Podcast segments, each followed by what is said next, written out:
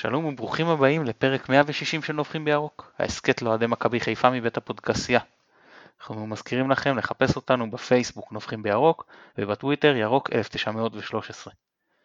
עמית אה, פרלה חיוני במקומות אחרים, אז הוא לא יקליט איתנו הפעם, וגם לא עופר פוסטנר, מי שכן איתנו זה מתי סינקרונה. מתי, מה שלומך? היי מתן, אה, מה אני אגיד לך?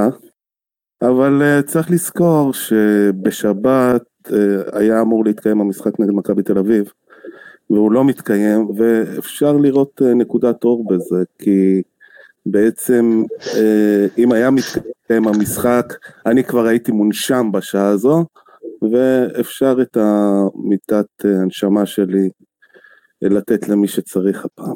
יפה, אז אנחנו מוצאים גם את החיובי.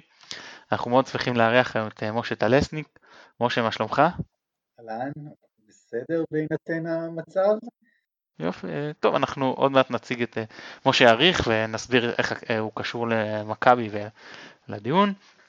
אה, כרגיל נותן לנו את התמיכה הטכנית מאחורי הקלעים יונתן אברהם, אני מתן גילאור, בואו נצא לדרך. חברים, נתחיל עם נביחות, אז משה האורח שלנו ניתן לו זכות ראשונים. משה, יש לך משהו לנבוח לנו? לא, ביקשת, הצעת שאני אנבח על משהו, ממש בימים לא כאלה... לא, לא חייב ממנו. לא, השיירה עוברת, אז עזוב, אין, אין למה, זה... פודקאסט זה, זה מדיום שאפשר גם, עשוי לשמוע את זה בעוד הרבה זמן, אז אנחנו חיים בתקופה כל כך הזויה, שאפילו יכולה להיות יותר הזויה, אבל... אה, אז הפעם, אני, אני אוותר. מאה אחוז, מתי, נביחה?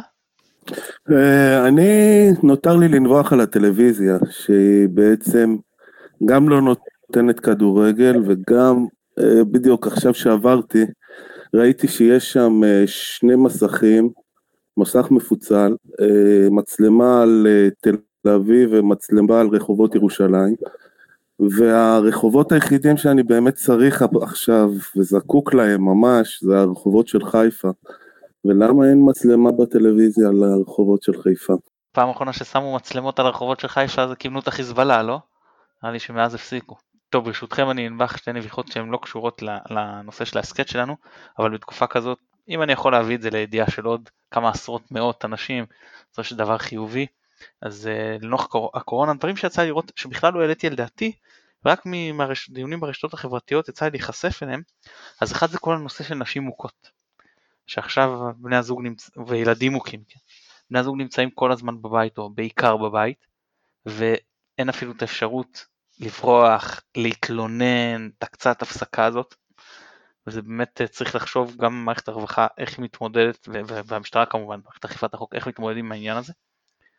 והדבר השני זה אנשים במצוקה נפשית, אני לא מדבר, שיש להם איזושהי בעיה בבריאות, בבריאות הנפש, אני לא מדבר על מישהו שצריך פגישה שבועית עם הפסיכולוג, סתם כדי לפרוק מהחיים שלו, אלא אנשים שממש צריכים ספק אה, מתחום בריאות הנפש לצורך ההתנהלות התקינה של החיים שלהם.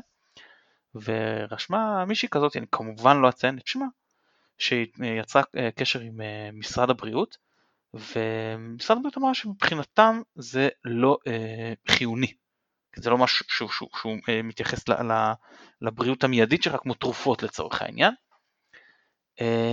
לא יודע, אני, אני באמת לא רוצה להיכנס פה למאבק הזה של חילונים חרדים וזה, אבל יש פה משהו קצת צורם, שאתה אומר מקווה, עם כל הכבוד לרמת החיוניות שלו, כן, כן, ובריאות הנפש לא.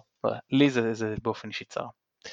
טוב, אבל בואו, זה קורונה ואנחנו נעבור לדבר על ספורט, אז בואו משה, תציג את, את, את, את ה... אנחנו בעצם אה, מדברים על הדוקטורט של משה שהיה קשור למכבי, אז בוא תסביר רגע איך כל התהליך התגלגל, ואז נתחיל להיכנס לתוכן עצמו. אוקיי, okay, אוקיי, okay, אז uh, אני ככה יצרתי ככה איתך קשר מתן, uh, ואמרתי אולי זה הזדמנות טובה לדבר על דברים מפעם, כשעכשיו אין עניינים שוטפים, מכבי חיפה.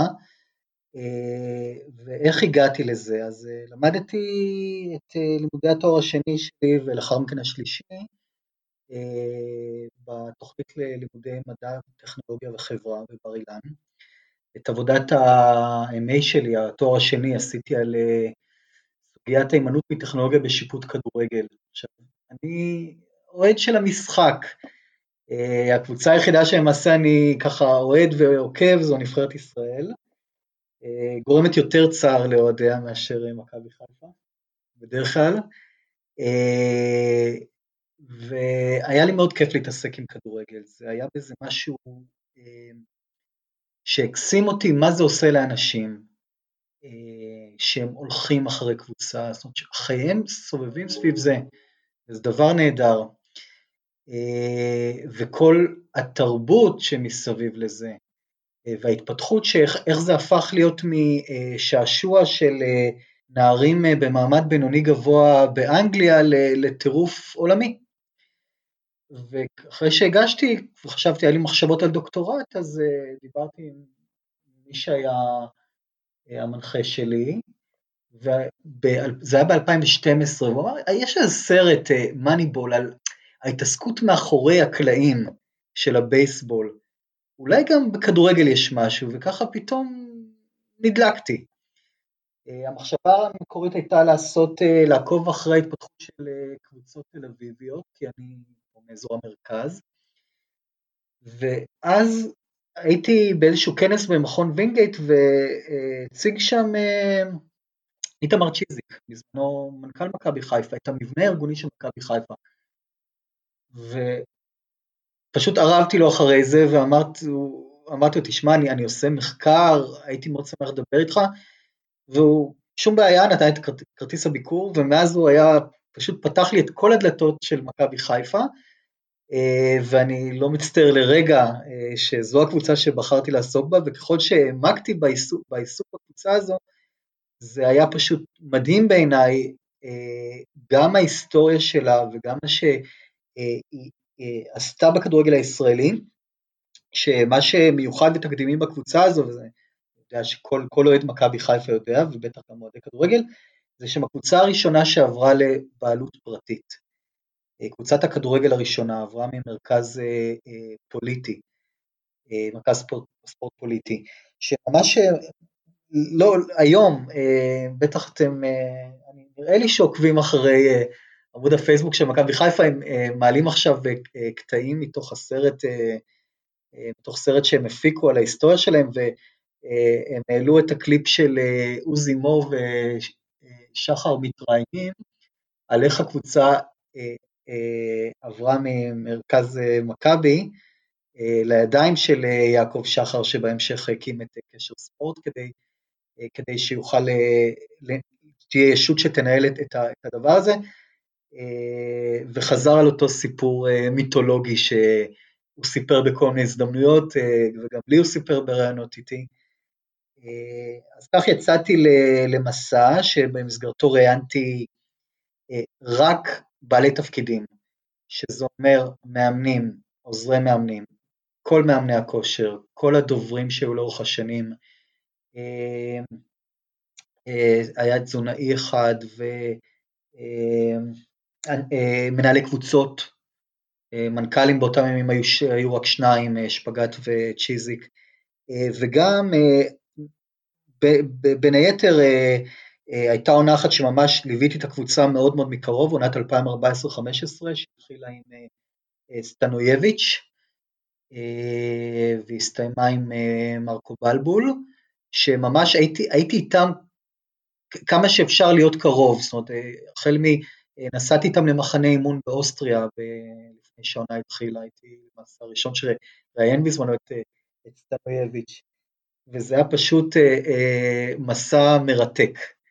אה, גם הרעיונות עם אנשים, גם לקרוא על אותה תקופה, וגם לנבור ולמצוא מסמכים. אז בואו, לאיזה כיוון אתה רוצה עוד, אה, מתן? פשוט תשאלו שאלות בצורה חופשית. אוקיי, בואו נעשה עכשיו פסט בקוורד. ממתי בעצם הסיפור מבחינתך מתחיל? זאת אומרת, 1992 פה נקודת התחלה או שיש גם לפני? כמובן הייתי צריך, אני בכלל הולך עוד אחורה בכלל, מה זה כדורגל אה, במחקר שלי, אה, ואז גם מכאן כדורגל ישראלי, ונותן את הסיפור של מכבי חיפה. אה, כשלמעשה שנת האפס היא באמת 92, אבל גם הלכתי קצת אחורה לראות מה קרה רגע לפני. שלצורך העניין, כשיצאתי לדרך לא ידעתי שיש כזה דבר, אבל אז פתאום זה כמו נחת עליי ב... הספר, אני מדבר על הספר הירוקים של אביב עברון. אביב עברון תיעד את העונה האחרונה אה, לפני שמכבי חיפה עברה לידיים של אה, שחר, הוא לא ידע, כשהוא יצא לדרך הוא בכלל אה, חשב שעונה לפני זה הם זכו בדאבל, והוא אמר, מה זאת אומרת, אני, ברגע שפותחים לי את הדלת ואני אתעד אותם, הוא רצה לעשות אה, אה, ספר כמו אה, אה, שם המשחק, אה, עיתונאי הל, הלברסטם אה, ליווה את קבוצת פורטלנד טרייל בלייזרס, וזה ספר אה, ספורט קלאסי, אז הוא אמר אני אעשה כזה אה, אה, על קבוצה ישראלית שהולכים בעשור הקרוב לשלוט בליגה. ובעונה הזו פשוט הכל לא הלך, הכל התפרק שם.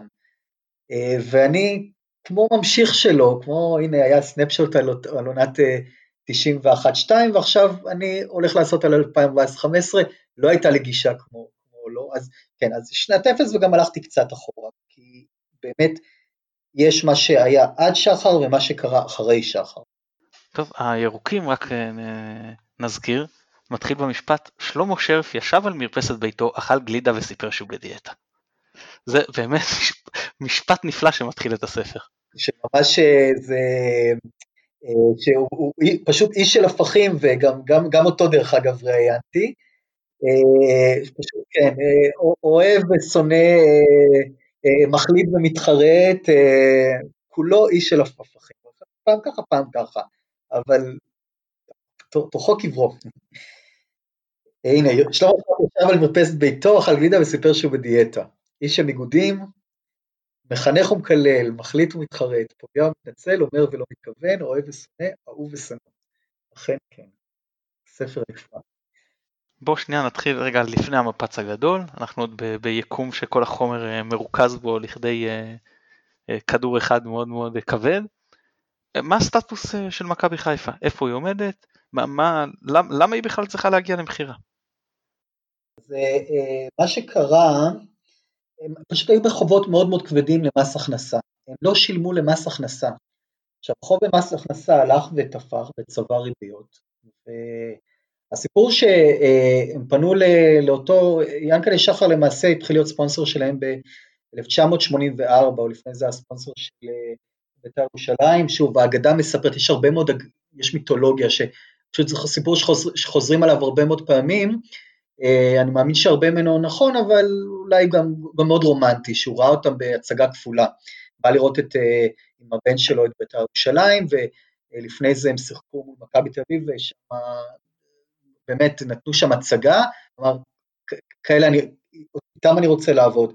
אה, ובדיוק הקבלן, היה איזשהו קבלן אחד שהיה הספונסר שלהם, בחור בשם זכריה דרוקר, שבגלל איזשהו הסכם עם אה, אה, סולל בונה שהוא אה, התחיל לעבוד איתם, אז הוא לא יכל להיות הספונסר שלהם יותר. ובאיזשהו אירוע, משפ... איזשהו אירוע שהיושב ראש פגש את ינקלה, אז הוא התחיל להיות המאמץ שלהם, והוא היה מאמץ מאוד מאוד מעורב. עכשיו, אותו סיפור גם ששחר מספר, לפחות בספר הירוקים של אביב עברון, הוא אומר שכבר. במשך שנתיים היה איזשהו, היה, זה היה באוויר. אה, החובות, החובות הלכו ו, ותפחו ובסופו של דבר אה, פנו אליו, הוא ואנשיו אה, ביקשו גם את עזרתו בתיווך, כל הזמן היו באים אליו גם להתייעץ, לא רק לקבל כסף, להתייעץ, לפתוח דלתות, לפעמים אפילו גם הוא השתתף באיזה סוכה בין שחקן צעיר וחצוף, אה, לבין, לבין מאמן אה, של אה, שחקן ראובן עטר והמאמן של השער. פשוט הסולחה, ספציפית הסולחה הזו פשוט היממה אותי, זאת אומרת אמרתי, ש, ושאלתי, גם שאלתי את שחר, תגיד, למה, למה איש עסקים מתל אביב נכנס לאוטו לפשר בין, בין ילדון בן 20 וקצת לבין מאמן ב, ב, בעשור החמישי או השישי לחייו, ודרך אגב, לא רק, אה, לא רק שני אלה, גם אה, אה, מנהל סניף בנק לאומי מחיפה, שהוא מתנדב, הוא יושב ראש מתנדב, כל אלה נושאים, כי הוא אמר, אה, זרק איזה קללה על האימא שלו, ו... מה, מה זה, היה נראה לו, לכולם זה היה נראה, נראה טבעי לגמרי. עכשיו, אה, אני אגיד לך גם עוד, במהלך השנים ששחר היה מאמץ, היה עוד סיפור, שנחשף בשנת 87, שזכה זכה לכינוי פרשת בומס, בומאס, על שם בן ציון בומס, כן? בוא נקרא לו בומס, אני לא יודע אם זה בומס או בומאס או כן, בומס. בומס, כן. אה, בומס, אוקיי, הוא המבקר הפנימי של מכבי חיפה שחקר את המקרה, אה, שמה שקרה שם, אה, מכבי חיפה היה לה שני חשבונות בנק, אחד שדרכו היא שילמה, היא שילמה משכורות, ואז גם דווח, היא שילמה הוצאות שונות ומשם היא דיווחה למס הכנסה, ובשני היא לא דיווחה. אה, והיו שם אה, אה, גם מאסרים על תנאי, אחד מהם גם דרך אגב שרף קיבל עונש מאסר על תנאי, וגם היושב ראש והגזבר גם כן הודחו, ומי שבא להחליף אותם זה בחור בשם בני ברנשטוק, הוא היה יושב ראש, יושב ראש העמותה, התפקיד שלו,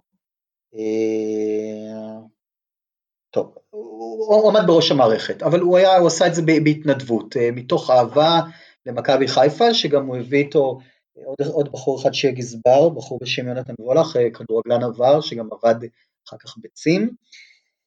רגע, משה, שנייה, אני עוצר אותך. כן. מתי, מתי בטח זוכרת אותו מאיתנו. מתי, אז אחד המודחים היה צביקה וייצטר, נכון? כן, כן, כן, לא, גם... אז, אז, אוקיי, אז זה חשוב כי השם הזה, אני רוצה בכוונה שנתעכב על השם הזה, שיזכרו שהוא עכשיו אחד המודחים, כי, אני, כי אנחנו נחזור אליו בעתיד. וייצנר ושביט, שביט היה הגזבר. כן, כן. פרדי שביט.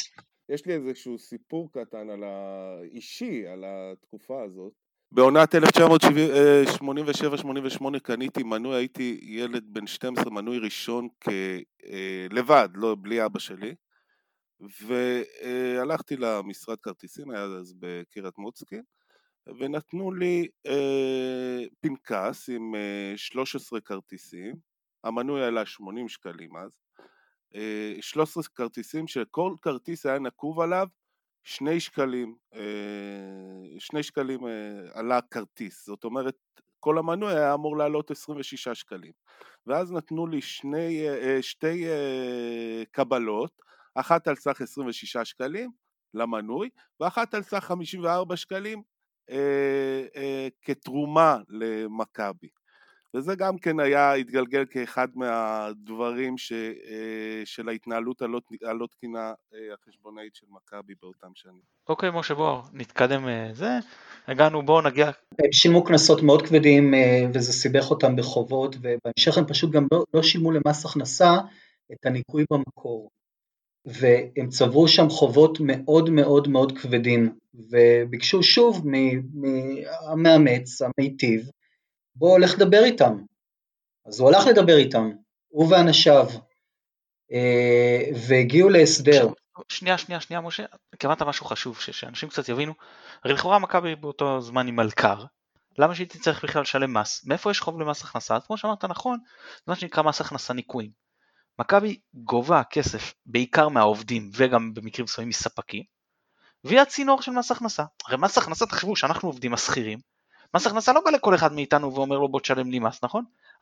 ו- ואז צריך לשלם. המעסיק בעצמו עושה את הגבייה, מעביר את הכסף למס הכנסה על שמנו, והכל אה, מסודר, ככה זה עובד, המעסיק הוא הצינור, זה לפי חוק, למעסיק אין בחירה.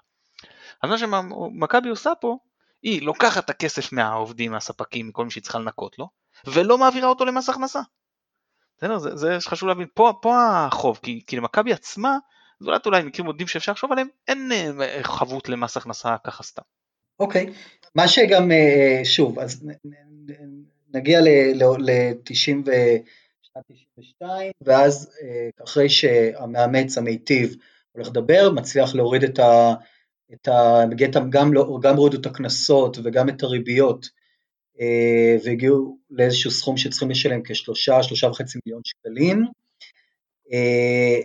ויענקלה מתבקש לשלם, הוא אומר, אם אני משלם, אני רוצה קושאן, אה, שטר בעלות, אז אמרו לו תקבל, לפחות מי שדיבר איתו, אמר לו שהוא יקבל. ומה שקרה בהמשך זה שהתחילו, היה, היה איזה, היה איזה, הייתה איזושהי ישיבה שיאנקלה לא היה בה, הפגישה דרך אגב הייתה עם אסמין, פגישה שיאנקלה לא היה בה, לפחות זה מה שתואר, גם, גם יאנקלה סיפר וגם בספר הירוקים, כל זה פשוט מהספר הירוקים, של אותם, מאנשי אגודת מכבי חיפה, והוחלט למכור לו. עכשיו, הם, הם, הם, הם מאוד חששו שמכבי חיפה תתפרק. הם חששו גם שהם בעצמם, אם לא יסדירו את החובות, הם, הם, הם יצטרכו לתת את הדין על זה שהם צברו כאלה חובות. ובמובן מסוים, ינקלה שחר הציל את מכבי חיפה באותם ימים. מה שזה עשה אחר כך זה כבר בעיני המתבונן.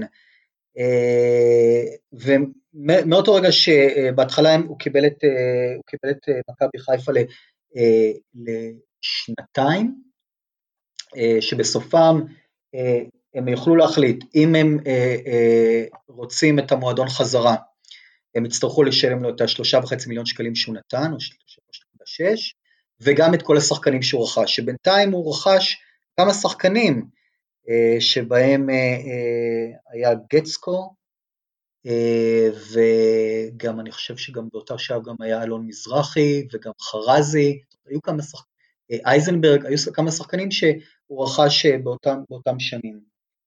עכשיו מעבר לזה גם אותו, אותה נקודה שבה אה, אה, אגודת מכבי חיפה הייתה יכולה לרכוש חזרה, זה היה אחרי השנה, אה, גם, גם אחרי, אחרי אותה עונה היסטורית ללא הפסד, וגם אחרי הקמפיין, מיד אחרי זה, הקמפיין המאוד מאוד מוצלח, שבו הם הגיעו בצורה שבאותם ימים הייתה סנסציונית לשמינית גמר גביע המחזיקות, זאת אומרת היה כבר מדובר במשהו מפואר, משהו שמועדון ברמה היסטורית בכדורגל הישראלי, כשגם הוא הצליח להסדיר שם את הכל. כש, כששוב, כשדיברתי עם אבי וברון אמרתי, מה, לא, הייתה שם בעיה כספית? הוא אמר, לא, לא, לא הייתה שום בעיה. האוטובוס הגיע בזמן, הארוחות היו בזמן, הבגדים הגיעו מגועצים. וכשאמרתי את זה לשחר, אז הוא אמר, כן, אבל לא שילמו מס הכנסה. אז מכאן הכל התחיל להיות מסודר, התשלומים התחילו להגיע בזמן. גם התחילו, גם שיפצו את, ה, את קריית אליעזר, שהשיפוץ היה בצורה כזו שהם הקדימו תשלומים לחברה שמתפעלת את קריית אליעזר, ובתמורת זה שלמשל יקימו שירותי נשים, יסדרו את היציעים, ישפצו את חדרי ההלבשה, שבכלל יהיה, המקום הפך להיות כמה שהוא היה מאוד, אני באתי לבקר בו רק לפני, לא, לא, לא הייתי במשחקים שם בשנות ה-90, כנראה שמה שהיה שם קודם זה היה באמת חורבה. אז זה, זה השינויים המיידיים ששחר עשה. אוקיי, okay, בוא, אני, אני, כמה דברים שאולי תוכל לחדד לי, כי אני בזמנו קצת ניסיתי לחקור בנושא, ומשהו שם לא, לא כל כך אה, אה, מתאים לי נקרא לזה. אז אחד, קודם כל אני בזמנו שאלתי את צ'יזיק, והוא אמר לי תראה, מכבי חיפה חכרה את, את הזכויות הניהול לעשר שנים ב-1992 וב-2002 קיבלה את השטר המכר הקבוע. פה אומרים גם, אמרת אתה וגם אומרים מוזימור ויעקב שחר, לא, אנחנו ב-1992 קיבלנו שטר מכר, קנינו את הקבוצה. אז בואו נתחיל מהשאלה הקטנה הזאת, צ'יזי כנראה טעה, נכון? במידע שהוא מסר. אז תשמע, זו, אז זה, כאן, כאן מגיע המקום שבו יש גבול לכמה אני נחשפתי למסמכים, כי זה גם בסופו של דבר, זה גם מה שאנשים מדברים. חלק מהמסמכים ראיתי אותם באיזושהי דרך לא דרך, או ראיתי אותם, אפשרו לי לראות אותם, גם יש דברים שדלפו לעיתונים. כן, ב- אני, אני יודע שכן, ב-2002 היה, היה, איזושהי, היה איזושהי נקודת מפנה, אבל מה, ש, מה שאני כן גם יכול להגיד, שרק בשנת 95 התכנסה ועדת אביבי, הוועדה שהסדירה את כל העניין של מכירת קבוצות, שלמעשה הגדירה שלא מוכרים יותר, אין, אין מכירת קבוצות אלא יש, אפשר למכור רק זכויות ניהול. המהלך של ינקלה שחר היה תקדימי בכדורגל הישראלי. בזה שהוא ממש רכש את, מכבי חיפה היא שלו, אה, נכון לשנת, אה, לימים שבהם הוא רכש אותה. אה, וכך הוא, הוא התנהל, זאת אומרת הוא ספג את כל ההפסדים תמיד. ממש יש, יש מסמכים שמראים כמה מכבי חיפה שייכת, זאת אומרת, לקשר ספורט ששייכת לקבוצת מאיר, לעסק המשפחתי הזה שנקרא קבוצת מאיר. חידוד קטן, בסדר? כמה דברים. אחד, יש פה כנראה, כמו שאמרת ב-95, את הסיפור הזה, את אותה ועדה, כי עד 95, לפחות לפי המסמכים שאני נחשפתי אליהם, מכבי, מי שמחזיקה אותה, מטעם שחר זה, זה, זה עמותה שלאגודה יש חברים בעמותה, חבר או לא יודע, בוועד העמותה, אם, אם, שוב מה שאני אומר, ורק מ-95 שהסדירו את העניין, קשר ספורט מחזיקה את uh, זכויות הניהול, כי מאותו רגע כבר אין להחזיק קבוצה, יש להחזיק זכויות ניהול. אז זה, uh, אז, אז, אז זה אחד, כי, כי באמת אז אמרת שהיה את הזכות לרכוש בחזרה, אז היה גם חלק, כנראה שחלק מזה היה נציג של, ה, של האגודה בעמותה. כי שוב, שחר מנהל את זה בעמותה, לא קשר ספורט, שזה עד היום, זה מ-95. שוב, לפי המסמכים שאני, שאני נחשפתי אליהם, אם כמובן אתה, אתה יכול לסתור אותי, ראית יותר, אתה מכיר יותר, אז זה כמובן אה, אפשרי. מתן, רק בוא אני אעצור, ואולי אני אפילו לא יודע, אה, העניין הוא, אני, אני לא יכול להגן על זה, אני, אני לא, לא, לא מספיק יודע אה, ולא מספיק מכיר, זאת אומרת, אה, זה גם... אה, זאת אומרת, רק מה שבעצם המחקר שלי הראה, איך, איך זה עבר לידיו, ומה הוא עשה כדי שזה יהיה שלו. וגם עוד דבר שכן ניסיתי להראות במחקר הזה, זה כמה מכבי חיפה, איך שלא הופכים את זה, השם שלה מזוהה עם יעקב שחר, וכשאומרים בציבוריות הישראלית יעקב שחר, מדברים בעיקר על מכבי חיפה ולא על יבואן, אה, יבואן הרכבים, שהקבוצה גם, היא גם, זה, זה ממש אה, קבוצה עסקית מאוד מאוד מאוד גדולה, של משאיות, אוטובוסים, וביטוח, והשכרת רכב, ורכבי יד שנייה, אה, ומה זה עשה לו, ומה הוא עשה כדי להיות מזוהה עם הדבר הזה, ואיך הוא בנה את התדמית בזכות אותה אה, מעטפת מומחים שהוא דאג לשים שם. אה, וגם איך המומחים בעצמם תפקדו בתוך המרחב הזה. בזה, בזה עוסק הדוקטורט שלי, אני, אני לא, לא יכול להגן על, על מה המעמדה המשפטי המדויק של מכבי חיפה, אני יודע שכן ב-2002 הייתה איזושהי נקודה. אוקיי, אז עוד קצת כמה חידודים שאני אתן סתם שהמאזינים יכירו לגבי המסגרת המושגית. קודם כל אפשר להגיד ש, שקשר ספורט היא חלק מקבוצת מאיר, זה לא, זה לא מדויק, זה אולי אפשר להגיד שיש אה, את הקשר של שחר, אבל מי שמחזיק בקשר ספורט זה שני אנשים, זה 50% מהמניות יעקב שחר ו-50% מהמניות ישראל קט, בסדר? זה שנכיר שנכון, הם מחזיקים גם בקבוצת מאיר, ולכן זה מה שנקרא צדדים קשורים, בסדר? זה, זה אחד. שתיים, בואו, זה שוב צריך להבין את המסגרת המושגית שהמאזינים יבינו, איך יכול להיות ששחר קונה קבוצה, היום אין דבר כזה, אז תראו, פעם שבן אדם היה אומר אם לחזור 500 שנה אחורה, 1,000 שנה אחורה, בן אדם היה אומר זה עובד שלי, מה הוא היה אומר? הבן אדם הזה הוא שלי, אני עושה איתו מה שאני רוצה, כן? הוא, הוא עבד לצורך העניין, או, או וסל, כן? צמית, בסדר? היום כבר אין כזה דבר, שבן אדם אומר לך זה העובד שלי, אתה מבין שהוא שכיר אצלו, נכון? הוא עובד אצלו. הוא, הוא כמובן לא, לא עבד שלו והוא לא יכול לעשות מה שמתחשק לו. אותו דבר, פעם היה דבר כזה ששחר קנה, או לא היה דבר, זה לא היה מוסדר, אז הוא אה, קנה קבוצת כדורגל, היום אין דבר כזה לקנות קבוצת כדורגל, ושחר לא יכול להחזיק מכבי חיפה, מכבי חיפה היא מושג ארטילאי לצורך העניין, בסדר? או, או אם אנחנו רואים מה קרה עם, עם הפועל תל אביב, היא התפרקה, החברה שהייתה הראל החזקות שהחזיקה בה התפרקה, והנה פתאום קמה חברה אחרת והמשיכה אה, מאותו מקום. קנתה את זכויות הניהול, המשיכה מאותו מקום. נכון? אז, אז, אז שחר לא יכול להחזיק מכבי חיפה או. או, או קשר ספורט, אז הוא יכל, היום כבר לא, שוב כבר, כבר נקרא לזה מ-95 אין עבדות, בסדר? היום הוא, מחז... הוא או כל אה, תאגיד אחר שמחזיק ב... במה שנקרא, אנחנו חושבים שהוא בעלים של קבוצת כדורגל, הוא לא. הוא מחזיק בזכויות הניהול של אה, מועדון כדורגל. של קבוצת כדורגל, סליחה, מועדון כדורגל מחזיק בזכויות הניהול של קבוצת כדורגל. זהו, זה היה כדי קצת לחדד ותמשיך. אוקיי, אה, אז אה, בואו עכשיו, אה, זה השלב שבו תוכלו לשאול על כל מה, ש, כל מה שמעניין. אני רוצה לקחת את הדיון למקום אחר בתור היסטוריון. לא אני היסטוריון, אתה משה היסטוריון.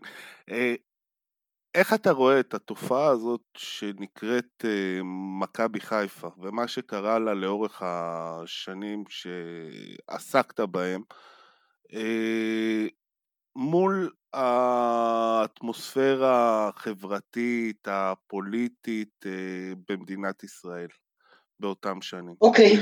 זו שאלה מעניינת. קודם כל, טוב, כהיסטוריון, לא היסטוריון, חוקר מדע וטכנולוגיה. אה, זה גם, זה, זה בין היתר גם מה שראיתי אה, אה, במחקר שלי, הדברים לא, לא פועלים באיזשהו קו, באיזשהו קו ליניארי, שראיתי התקדמות לאיזשהו מקום יש קפיצות כאלה. אותה נקודה של שנת 92 קרו עוד כמה דברים. בכלל המשק הישראלי התחיל, התחיל תהליך מועד של מסחור. אה, זה היה מכל מיני סיבות, אה, שרבים מהם אה, כתב עליהם בן פורת, אמיר בן פורת בספר שלו. מה ששחר עשה, ובגלל זה גם זה, זה נתן לו תדמית כזו, הוא רצה להראות שגם כדורגל יכול להיות, יכול להיות עסק. אה, באותם ימים אה, בשנת 93, אה, דרך אגב, בשנת 93, נובמבר 93 קורה עוד משהו, קם ערוץ 2. בשנת, עוד, עוד דבר שגם כן קרה, לפחות לכדורגל הישראלי, בשנת 92, ישראל מתחילה להשתתף במפעלים האירופאיים. אז יש תהליך מועט של גם פתיחה לעולם, גם מסחור של הרבה מאוד דברים, גם אה, עוד דבר שגם קורה ב, אה, בשנת 92, גם רבין אולי היה, היה ראש ממשלה מטעם מפלגת העבודה, רבין היה מהמפריטים הגדולים של המשק הישראלי, הרבה דברים הוא הפריט, הרבה, הרבה חברות ממשלתיות הממשלה שלו הפריטה. אז גם, אז גם הכדורגל עובר הפרטה. והמרכזים המרכזים הפוליטיים, לפחות בספורט, אנחנו רואים שהם הולכים ומאבדים אה, את, אה, את יוקרתם וגם את נכסיהם, וכאן גם את יוקרתם. אה, אז, אז זאת אומרת, מה שקורה מתחילת שנות 90, אז מתחיל תהליך כזה שגם מתחילים להעריך את הכסף שמושקע ומוזרם פנימה לתוך הכדורגל, אה, וגם, וגם המומחים שנכנסים פנימה, ואתה צריך, אתה צריך גם, אה, אה, אפילו, אפילו האופי של הכדורגל, שפעם היה כזה, הפער המאוד גדול בין שלמה שרף לשפיגל, ששפיגל יש לו שיטה, ולשלמה שרף הוא רק מוטיבטור, זה גם חלק מהעניין, אבל כאמור, היסטוריה כמו שהיא, גם, גם שום היה מאמן של מכבי חיפה. וגם דושן נוארין היה מאמן של מכבי חיפה, גם כן אדם בלי, היה שם איזושהי, היה, היה שם איזוש, הרבה אינטואיציה, אבל לא, זה לא היה סדור במיוחד. אה, אני מקווה שזה עונה על, על השאלה. אה, משה, אה, בעיקרון אני, אה, זה ענה לי על השאלה, אבל אני רוצה להתמקד בצמד המילים מכבי חיפה, בראייה היסטורית. כי בעצם צמד המילים, המילים האלה טומן בחובו את אה, מכבי, שהיא קבוצה פוליטית מאוד מאוד מאוד אה, קטנה יחסית וזניחה בישראל, אבל לדעתי זו הקבוצה הפוליטית שהסיטה בעצם את אה, מדינת ישראל למסלול שבה, שבה היא נמצאת עכשיו, הליברל, הליברלי, ואת חיפה, שהיא העיר השלישית בגודלה בישראל, עיר נמל, עיר שינה, ושני הדברים האלה מייצרים אה, בסופו של דבר, בהלחם שלהם, אה, קבוצה שהיא אה, אולי, אני חושב, אפשר לקרוא לה באמת האימפריה הישראלית הראשונה, אפשר להגיד, בכדורגל, כן? לא, לא בכלל. בכדורגל האימפריה הישראלית הראשונה, אפילו יותר ממכבי תל אביב, אימפריה במובנים גם כלכליים, גם, גם ענייני קהל וגם חברתיים. אה, מהנקודה הזו, איפה אתה יכול גם לעשות את ההלחמים האלה? האם יש בעולם עוד קבוצות שיש להם את ה... בוא נגיד את שני המוטיבים האלה, או אפילו המוטיב הזה של העיר השלישית בגודלה בישראל. אם ניקח כאילו את אנגליה, אז בעצם הבעיה של לונדון היא שיש שם, שם יותר מדי לא, אבל אה, הבעיה של לונדון שהיא לא הופכת להיות למרכז הכדורגל האנגלי היא שיש שם יותר מדי אה, קבוצות ויותר מדי מתחרות ובסוף זה הולך לפרברים. אבל פה כשיש לנו אה, שלוש ערים, ששתי הערים הגדולות בעצם מובילות איזשהו קו פוליטי מאוד מובהק והעיר השלישית שמשתרכת מאחורה היא בסופו של דבר זו שבתקופה, בתקופת הפריחה של הישראליות של, של שנות התשעים, היא זו שבעצם מבססת את עצמה בראש. האם יש לך איזושהי נגיעה לגבי הנושא הזה? אה, אני יכול גם מה, מה, מהידע וגם uh, מתוך דעה אישית uh, ומתוך גם מתבונן מהצד, כמו שאמרתי בהתחלה, אני כמו בכל העניין הזה של כדורגל, אני, אני לא, לא חי משבת לשבת, אני ממש כמעט כמו תייר בדבר הזה, כי אתם שלכם ממש חיים את הדבר הזה. למכבי חיפה קרה שפגש אותה איש עסקים שגר ברמת גן. איש עסקים שבמקור הוא מנס ציונה, והוא גר uh, ברמת גן, הוא אף פעם לא החליף את מקום מגוריו להיות ליד המשרדים שלו, בת, משרד שבו עובד uh, בתל אביב, והתאהב בדבר הזה, בקונספט הזה, בשנות, אי שם בשנות ה-80. ואז הוא החליט לרכוש את זה, זה עשה לו מאוד כיף ומאוד טוב, וזה, כש, כש, אני, כשגם, כאמור, אני, אני כמביט מהצד, שאלתי, למה, למה לא הדבר הזה? מה, מה, מה, הוא צריך, למה, מה הוא צריך את זה לראש?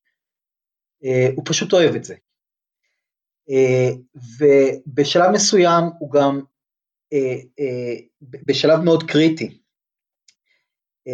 הוא הביא לשם את המומחים הטובים ביותר, הוא סידר את המערכת בצורה הטובה ביותר, והביא את השחקנים הטובים ביותר.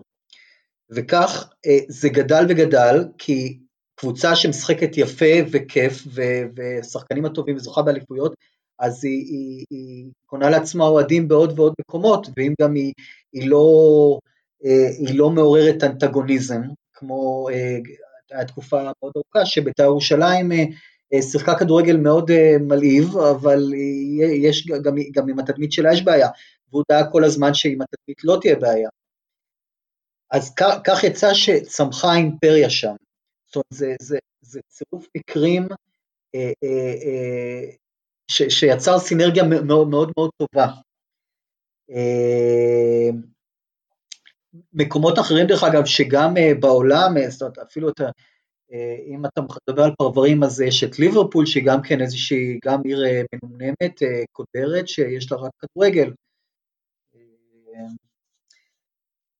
ו... זאת אומרת, זו פשוט הדוגמה הראשונה שעולה לי לראש. אה, שדרך אגב לגבי לונדון, אה, קבוצה לונדונית הגיעה רק שנה שעברה אה, לגמר, לגמר, לגמר הצ'מפיונס, זאת אומרת לונדון, לונדון כן מייצרת קבוצות טובות וכן הכסף גדול שם, פשוט גם חלק מה, מהעניין של מה שהפך את מכבי חיפה לאימפריה זה, הם פשוט היו, אפשר להגיד, בהרבה מאוד, בהרבה מאוד מקרים הראשונים לזהות. אה, ופשוט האחרים, הם, הם רצו יותר מהר מאחרים, ואז היום אה, כשרצים מהר לפחות כמוהם, אם לא יותר, אז הם פשוט עומדים במקום, הם לא מצליחים לרוץ יותר מהר מכל האחרים שהם גם כן רצים מהר. אה, וכך כך, כך גם נולדה, לפחות מתחילת שנות ה-90, כך נולדה הישות הזו, האימפריה הזו. זאת אומרת, אני אה, רוצה לחשוב שאתה מייחס את, ה, את, הש, את המקום שבו התאהבת בקבוצה הזו, היו השנים הגדולות של או, או שנת הדאבל של 91-2, עוד קודם 84-5, או השנה של הצ'מפיונס. צריך לחשוב, לשים לב מי, מי, מי שיחק שם, מי, מי היה שם, מי גרם לזה לקרות. אני זוכר פשוט את העונה של הצ'מפיונס, אם, אם לא היו עושים מהלכים כדי שיעקובו בכל זאת יצליח לשחק, ואם לא היו מביאים גם את, את רוסו, אז כנראה זה לא היה קורה הקמפיין המופלא הזה. אה, ששוב, שמדובר על התקופה שבה כבר, אה, כבר אין, זה לא כמו אה, עונת הדאבל שרוב השחקנים שחקני בית, או שלא לדבר על העונות 84-85 ו-85-6 שהם זכו back to back. אה, ששם באמת כולם היו שחקני בית. אז אה, זה מלהיב וזה מדהים, אבל אה, אם גם, נחזור גם לשאלה הקודמת של ה... ה,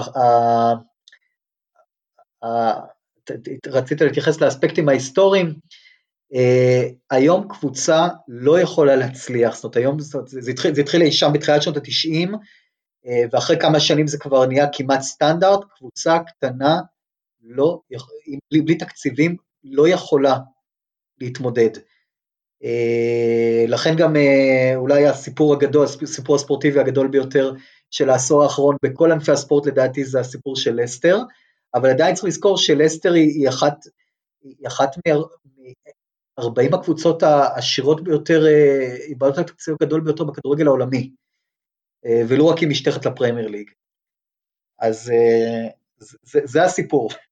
רציתי לסגור את זה, שהשאלה שלי היא באה ממקום קצת אה, רומנטי. אני רוצה להאמין שמכבי חיפה היא לא מקרה, אה, כמו שאמרת בתחילת הדברים, היא לא מקרה של בחור מנס ציונה שהגיע והפך את מה שמכבי חיפה במקרה, כי הוא אהב את זה למה שהיא. אה, אני מאוד רוצה להאמין ש... אה, זה לא היה יכול לקרות במקום אחר, וזה לא הייתה יכולה להיות קבוצה אחרת. לעולם לא נדע, אה, לעולם לא נדע, כי אין באמת, בהיסטוריה, מתי, בהיסטוריה אין אה, כמו במדעים אחרים קבוצת ביקורת. בואו נראה מה היה קורה במציאות מקבילה. כשהקימו, אני הגעתי לכל משחקי הבית אה, בעונה, בעונת 2014-2015, העונה הראשונה של אצטדיון, אה, האצטדיון העירוני החדש של מכבי חיפה. וזה היה פשוט עוצר נשימה. אה, כן, יש משהו בקבוצה הזו שיש בו משהו שמושך, משהו שמלהיב. ושוב, כמביט מהצד, שגם קצת נסחף פנימה. והמחויבות של אלפי אוהדים, אלפי אוהדים זה הגרעין הקשה, ועוד במעגל יותר רחב, עשרות אלפי אוהדים, היא, היא פשוט מעוררת השתאות. אני לא אומר שהדבר, התנאי היחיד להצלחה של מכבי חיפה היא אותו איש עסקים, שזה לא רק הכסף שלו, זאת אומרת, יש שם גם הרבה יותר מהכסף שלו. אה, אה, וזה לא רק הוא כמובן, כמובן כמובן, זה לא רק שחר, אה, אבל זה פשוט שני דברים שהתחברו, שאולי אפילו הוא לא היה נשאר. אה, אה, אה, אם, אם, אם, אם, אם, זה, זה לא היה מתחבר שם, והיה עוזב כמו, כמו בעלים אחרים שעשו לאורך השנים. אני, אני, לא, אני לא כופר במה שאתה אומר, ואני אומר, בכל זאת, בוא, עם כל הרומנטיקה של ראינו, ישבנו במשחק וראינו כמה הם יפים אז אמרנו נאמץ אותם, כמה הם שיחקו יפה אז אמרנו נאמץ אותם, בוא, יש פה קבוצה, מועדון רציני, אלוף, מעיר גדולה, עם המון אוהדים, יש פה שיקול גם עסקי, יש פה שיקול תדמיתי, אני, אני, אני לא אומר ש, שהכל שם, יכול להיות שבהתחלה גם פן רומנטי, יכול להיות שכל מיני דברים, אבל בסופו של דבר זה חלק משמעותי. אתה בספונסר, אתה שם את זה על החולצה, אתה, אתה מזוהה פה עם, כמו שמתי אמר, עם מישהו שמצד אחד הוא לא פוליטי, מצד השני הוא כן פופולרי, אה, וגם אגב ברעיון, זה כבר השלב יותר מאוחר, אחרי שהם החזיקו בקבוצה, בזכויות הניהול כבר לא, כמה וכמה שנים, אז אומר ישראל קז, עם כל העניין של ההתעסקות, שחר נהנה מזה והכל, בסופו של דבר לא משנה כמה אנחנו מפסידים על מכבי, הרווח שלנו בעסקים הוא גדול, אנחנו רואים את זה כמשהו שהוא טוב לנו עסקית. הרבה פעמים זה, זה, זאת אומרת, זה מה שניסינו לנסוע, את, את אותם מקדחים מעשנים, ויש כמה וכמה כאלה. כן, אין ספק, וזה גם מה שניסיתי לה, להראות ב, ב, ב, בעבודה הזאת, זאת אומרת, הוא יצר תדמית אה, שמגובה גם באמת, אבל מגובה גם בהרבה פסאדה של מקום שמנוהל בצורה רציונלית וטובה ורצינית וגם, אה, וזה היטיב עם עסקיו. אפשר גם אפילו לראות, אפילו בדקתי את נתוני מכירת המכוניות. בעונה אחרי עונת הצ'מפיונס היה זינוק מאוד מאוד גדול במכירות של הונדה ווולבו. אה, כשפשוט, אה, כשהחליטו לקדם קדימה את הונדה, שמו את השם של הונדה על החולצה וזה כן עזר למכירות. אבל אה, לפחות דבר שאני לא, עם, עם, עם כל הציניות וכן זה עשה טוב לעסקיו, לפחות ממה שאני התרשמתי ומה שגם מעידים אחרים, הוא ממש אוהב את זה, הוא חי את זה, אה, אכפת לו, אה, עוד מימיו כמאמץ, זאת אומרת, שוב, הסיפור עם אה, ראובן עטר ושלמה שרפו זה פשוט סיפור מהמם בעיניי. אה, כי אני גם זוכר, יש סיפור שפעם קראתי אצל דורפן, שלפני אה, כמה, כעשור בערך, אני חושב, על, אה, שהוא שמע על מישהו, על איזשהו איש, איש עסקים שהציעו לו לקנות את אה, הפועל באר שבע. בימים ש... איך קראו להם, אה, שם איזה אחים ש, שזה היה בבעלותם. ואותו איש עסקים אמר להם, תשמעו, בואו נעשה כזה דבר, נלך לווסרמיל, אני אשים עשרה מיליון דולר על הדשא, אני אשרוף אותם, וזהו. וככה אף אחד לא יקלל, לא יקלל אותי ולא יעמוד לי, לא יפגין לי מחוץ לבית ו- ואני לא אצטרך לספוג את הכל. אני פשוט זכרתי את הסיפור הזה כשכל פעם שניסיתי לברר מה, מה מניע שם את ה... מה, מה המוטיבציה שמחזיקה אותו שם. כנראה באמת אהבה. לדבר הזה, ש, שחלק מהאהבה לדבר הזה זה, זה גם אותם אוהדים שכל כך מחויבים. זה לפחות ככה אני רואה את זה שוב, שבלי, אה, זה, זה, זה, זה, זה, ש, זה שיש אינטרס מצד אחד, אה, זה לא אומר שאין גם משהו טוב ונכון בצד השני. זה איזשהו חיבור שמאוד היטיב עם מכבי חיפה ועם הכדורגל הישראלי. אין, אין ספק לדעתי שהוא אוהב את זה. אין, אין, אין ספק שהוא גם האדם הנכון ויש לו את האישיות הנכונה ליצור את הסינרגיה הזו עם האוהדים של מכבי חיפה. אה, ובמשך הרבה שנים הוא באמת היה דמות מאוד מאוד אה, מרכזית גם עבור האוהדים. אה, בשנים האחרונות זה קצת פחות, אבל אני חושב שעדיין זוכרים לו די הרבה ימים. מתי, אני חושב שגם מי שהיום חושב ששחר נגיד צריך למכור או להתחלף או לא משנה מה, עדיין חושב שראוי שיוקם לו פסל מחוץ לאצטדיון, כאילו עד רמה כזאת. אני עדיין חושב שהוא, שהוא דמות, אה, לא רוצה, לא, לא נערצת, אבל מאוד מוערכת בקרב האוהדים, גם מתנגדיו. אה, משה, אם תוכל לדבר קצת על הסיפור של המבנה הארגוני, יש לנו קבוצה, נקרא לזה די חובבנית, או זה, כל הכדורגל הישראלי די חובבני, עד 92 אה, נגיד, ומ-92 שחר מתחיל לנהל, מה השינוי שאתה מזהה? אולי אה, הכי, הכי קל להמחיש את זה בצורה הכי בולטת. כשיאנקלה נכנס ב-1 בספטמבר, הקבוצה עוברת uh, לבעלותו, זה שלושה ימים אחרי המחזור הראשון, uh, אולי הם הפסידו, אני לא זוכר, אני לא זוכר את ה, מה, מה התוצאה של המשחק הראשון, אני רק זוכר, המשחק השני ניצחו 3-0 בדרבי. Uh, היו שם ככה, uh, עד, אז, עד, עד לאותו רגע, uh, בשכר היה מאמן, שלמה שרף, אה, עוזר המאמן אלי גוטמן אה, קיבל איזה, קיבל איזה משהו באמת קטן, שאילץ אותו להמשיך אה, לעבוד כמורה, מורה לספורט בבית הספר. היה גם אברי מונצ'ר, אברי מונצ'ר היה אצל שרף, הוא הפסיק לעבוד, החליף אותו אילן סלע, גם כן קיבל כסף, שושנה אמסלם, שוש אה, אה, אמסלם, שוש אמסלם, המנהלת חשבונות והמנהלת משרד, היא גם כן קיבלה כסף, וזהו.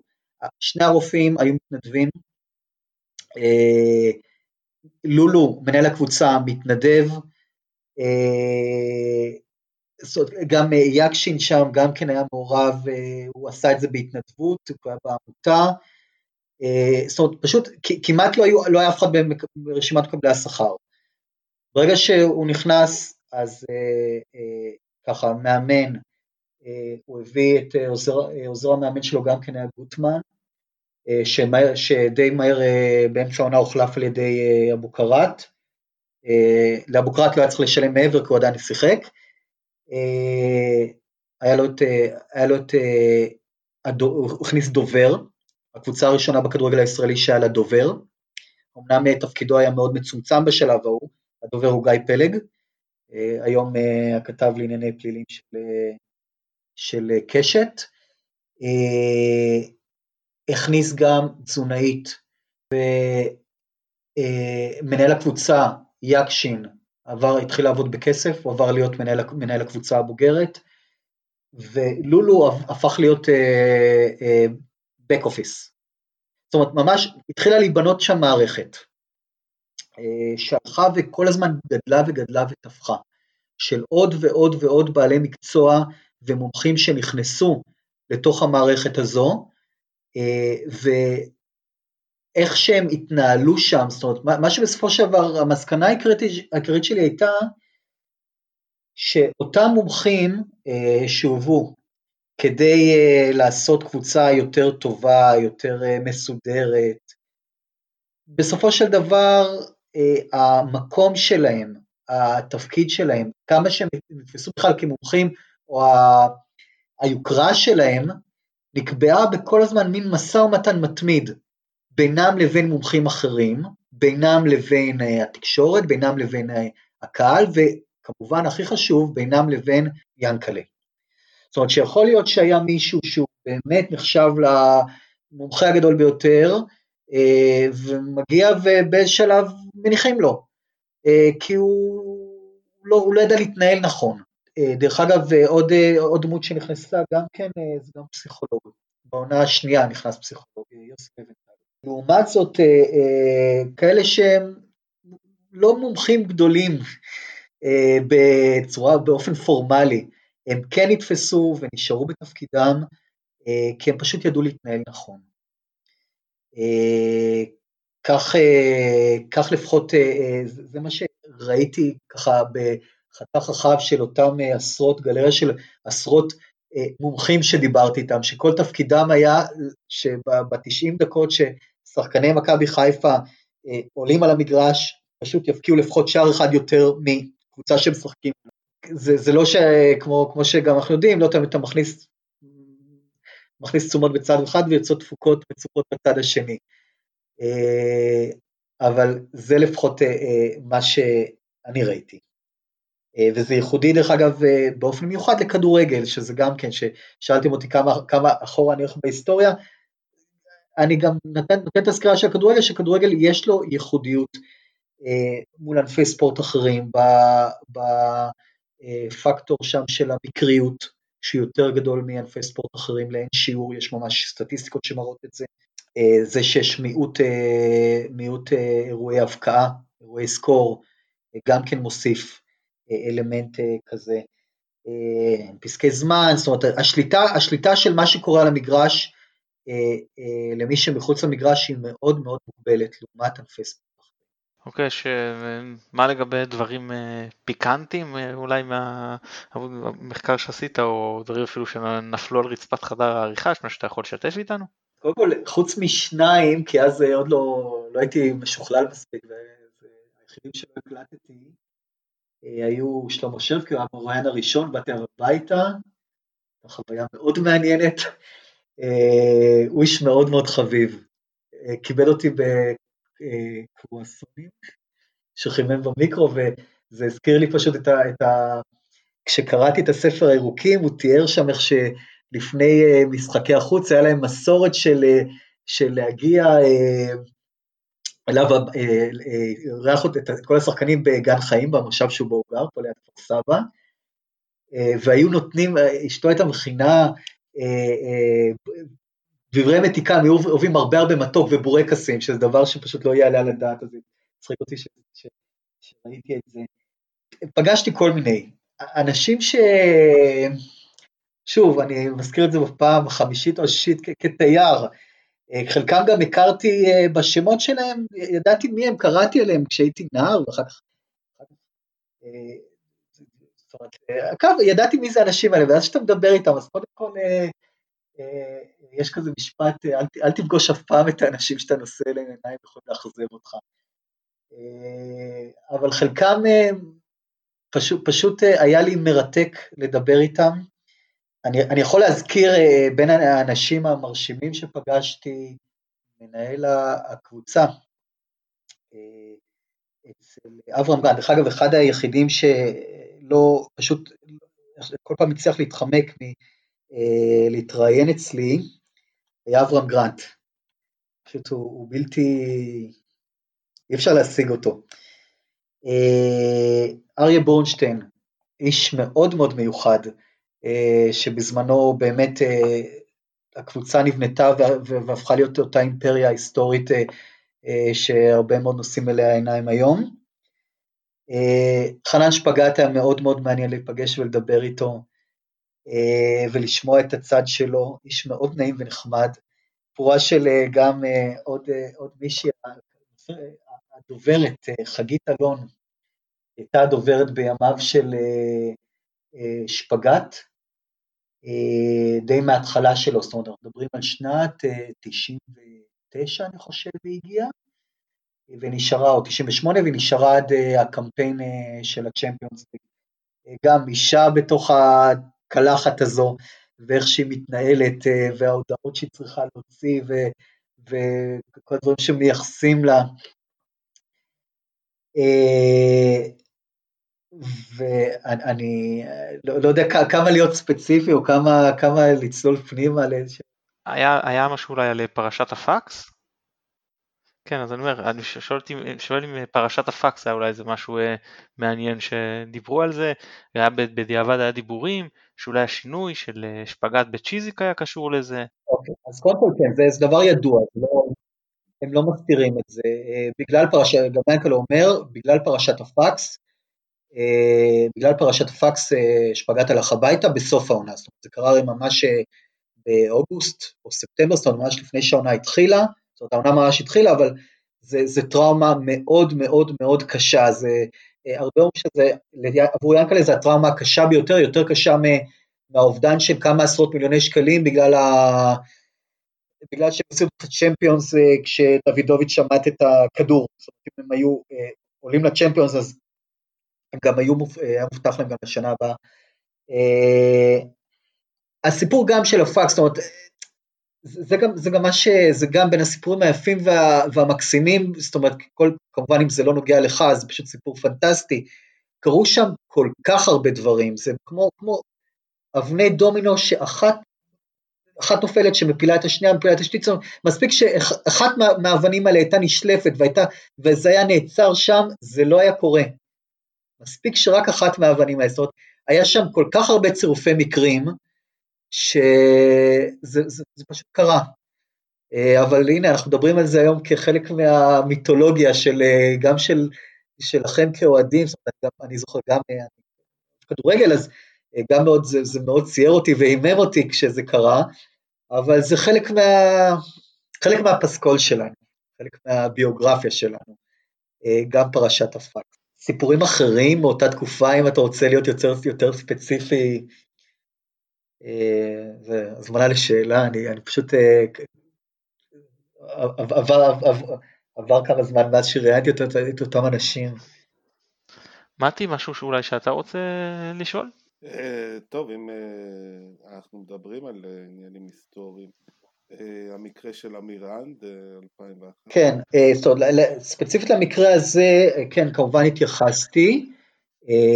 בקצרה גם היה שם הרי סיפור של תביעה שגם נגזר פיצוי, הם נדרשו לשלם פיצוי, אני צריך להסתכל עוד פעם מה הפיצוי. שוב, זה, זה, זה עניין גם בין הטראומות, זאת אומרת, כמובן, האמת, להיות הוגן, גם הזכרת, אז גם זה בין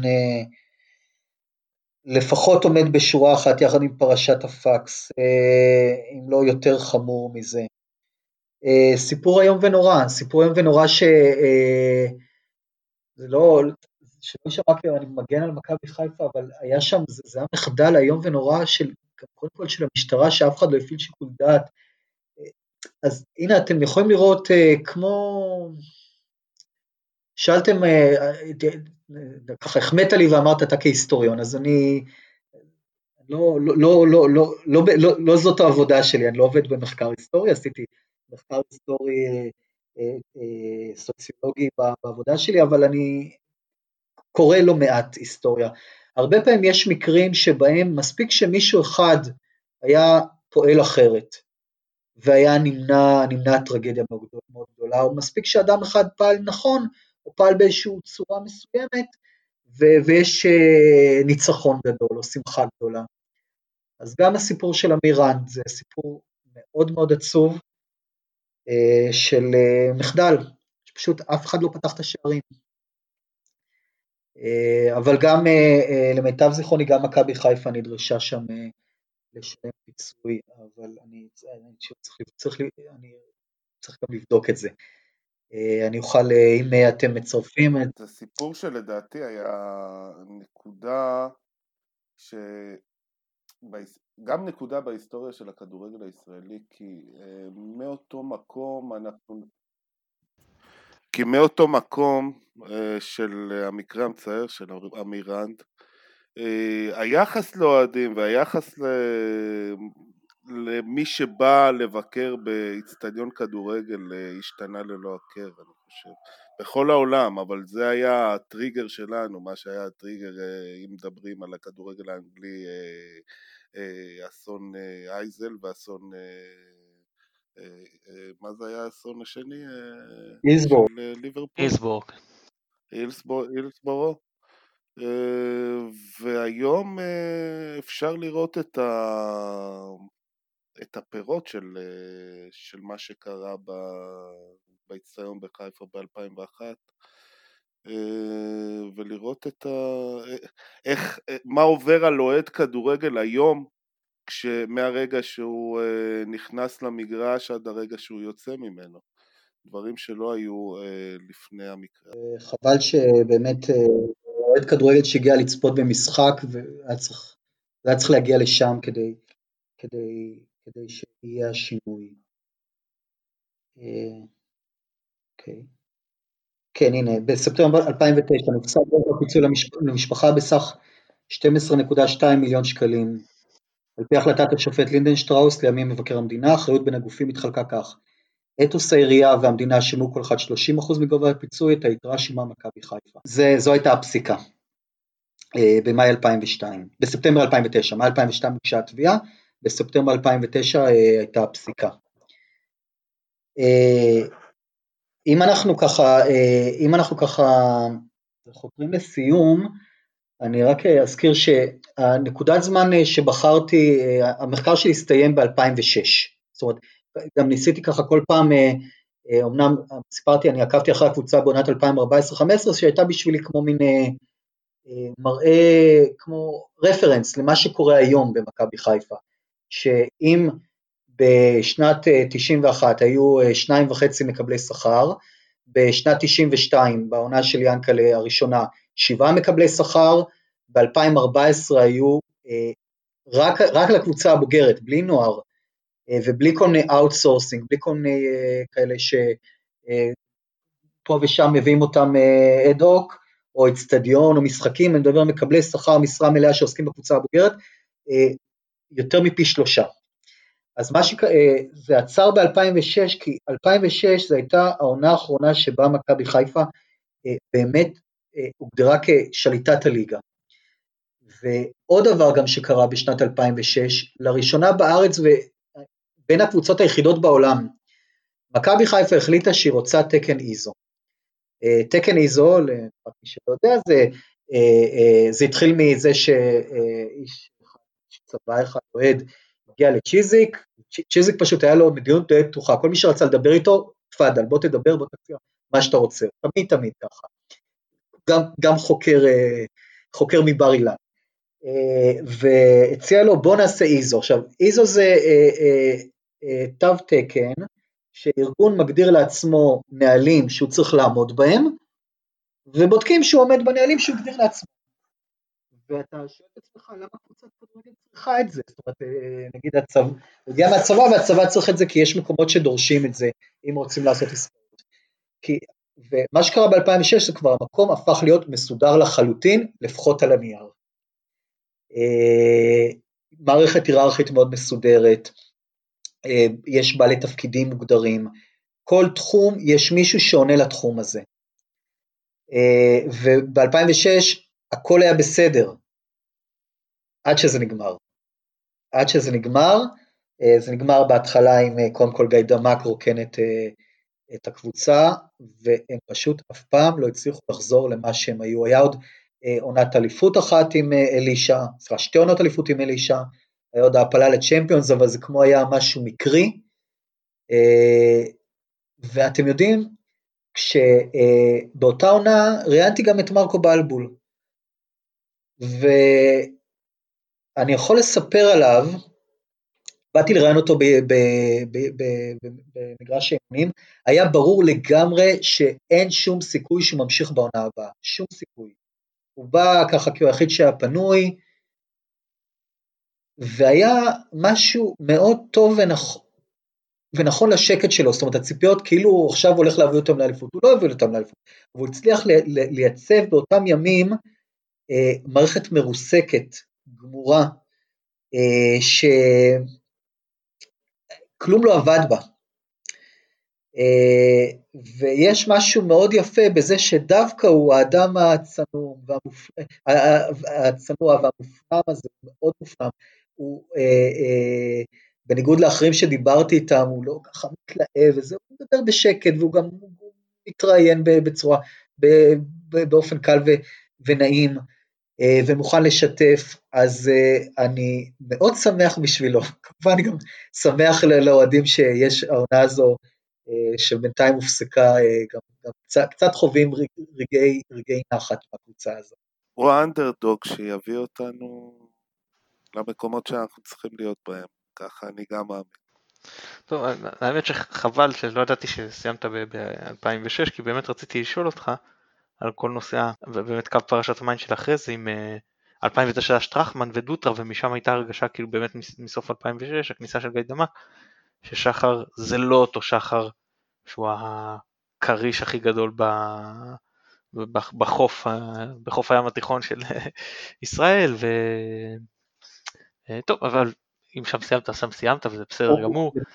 הוא סיפר, אה, שאלתי את ינקלה הוא אמר שכשהחברים מהפועל תל אביב באותה עונה של אה, עונת אה, גביע וופא, הוא אמר להם ככל, שת, ככל שיותר תצליחו תצטרכו להכניס יד עמוק יותר לכיס. והם, זאת אומרת, כי הם חוו באותם ימים אה, הצלחות מאוד גדולות ונכנס הרבה מאוד כסף למועדון. ובינתיים הוא, כנראה שגולדר כאן גם כן כדי להישאר, אבל הוא היחיד שכל כך הרבה שנים נשאר שם ועדיין כן מכניס תמיד יד לכיס מאוד עמוק, אם כי אה, כן נכנסות לו גם הרבה מאוד הכנסות בזכות הקהל, אה, אבל אה, הוא כן שם. וההכנסות האלה גם צריך לדעת איך לייצר אותן עם המרצ'נדייז שהם הראשונים שפתחו בחנויות. ובכל זאת יש כן גם משהו יפה ורומנטי באופן שבו אוהדי מכבי חיפה אה, תופסים את הקבוצה הזו, ויש כל כך הרבה מהם ובכל מקום. כן, טוב, אה, חשבתי שאני אדבר קצת על הפן שלי, העקרוני בכל נושא, מה זה בכלל למכור קבוצת כדורגל, שהוא איזשהו אה, גוף שזה ציבורי, קהילתי ולאדם פרטי, אבל הארכנו באמת הרבה, ואז נשאיר את זה לפעם אחרת. אמ, זהו, אני חושב שברור שאפשר לדבר עוד המון, אבל אה, באמת נתת לנו הרבה מידע, אותי לפחות מאוד מעניין, חידשת לי גם לא מעט, והיה ככה טוב לשמוע גם דברים שנקרא מאחורי הקלעים, שאני מניח שרוב אוהדי מכבי אה, לא נחשפו לפחות לחלק אה, משמעותי מהם, אבל זהו, אז אני חושב שבאמת הארכנו מספיק ונעצור כאן, אז אני מאוד מאוד רוצה להודות לך, משה, המון המון תודה שהתארחת אצלנו. אני אומר, אה, כן, ויאללה מכבי או... אה, בהחלט, יאללה מכבי זאת הקריאה. שלנו. בסדר גמור. תודה רבה שאירחת. תודה לך. מתי, המון תודה.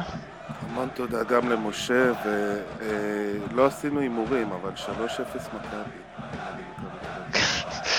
3-0 מכבי נגד הקורונה. מטא- מטאור נגד קורונה. אה, אנחנו שוב נודה ליונתן אברהם שנותן לנו את התמיכה הטכנית מאחורי הקלעים. אני מתן גילאור, תודה רבה שהאזנתם. ביי ביי.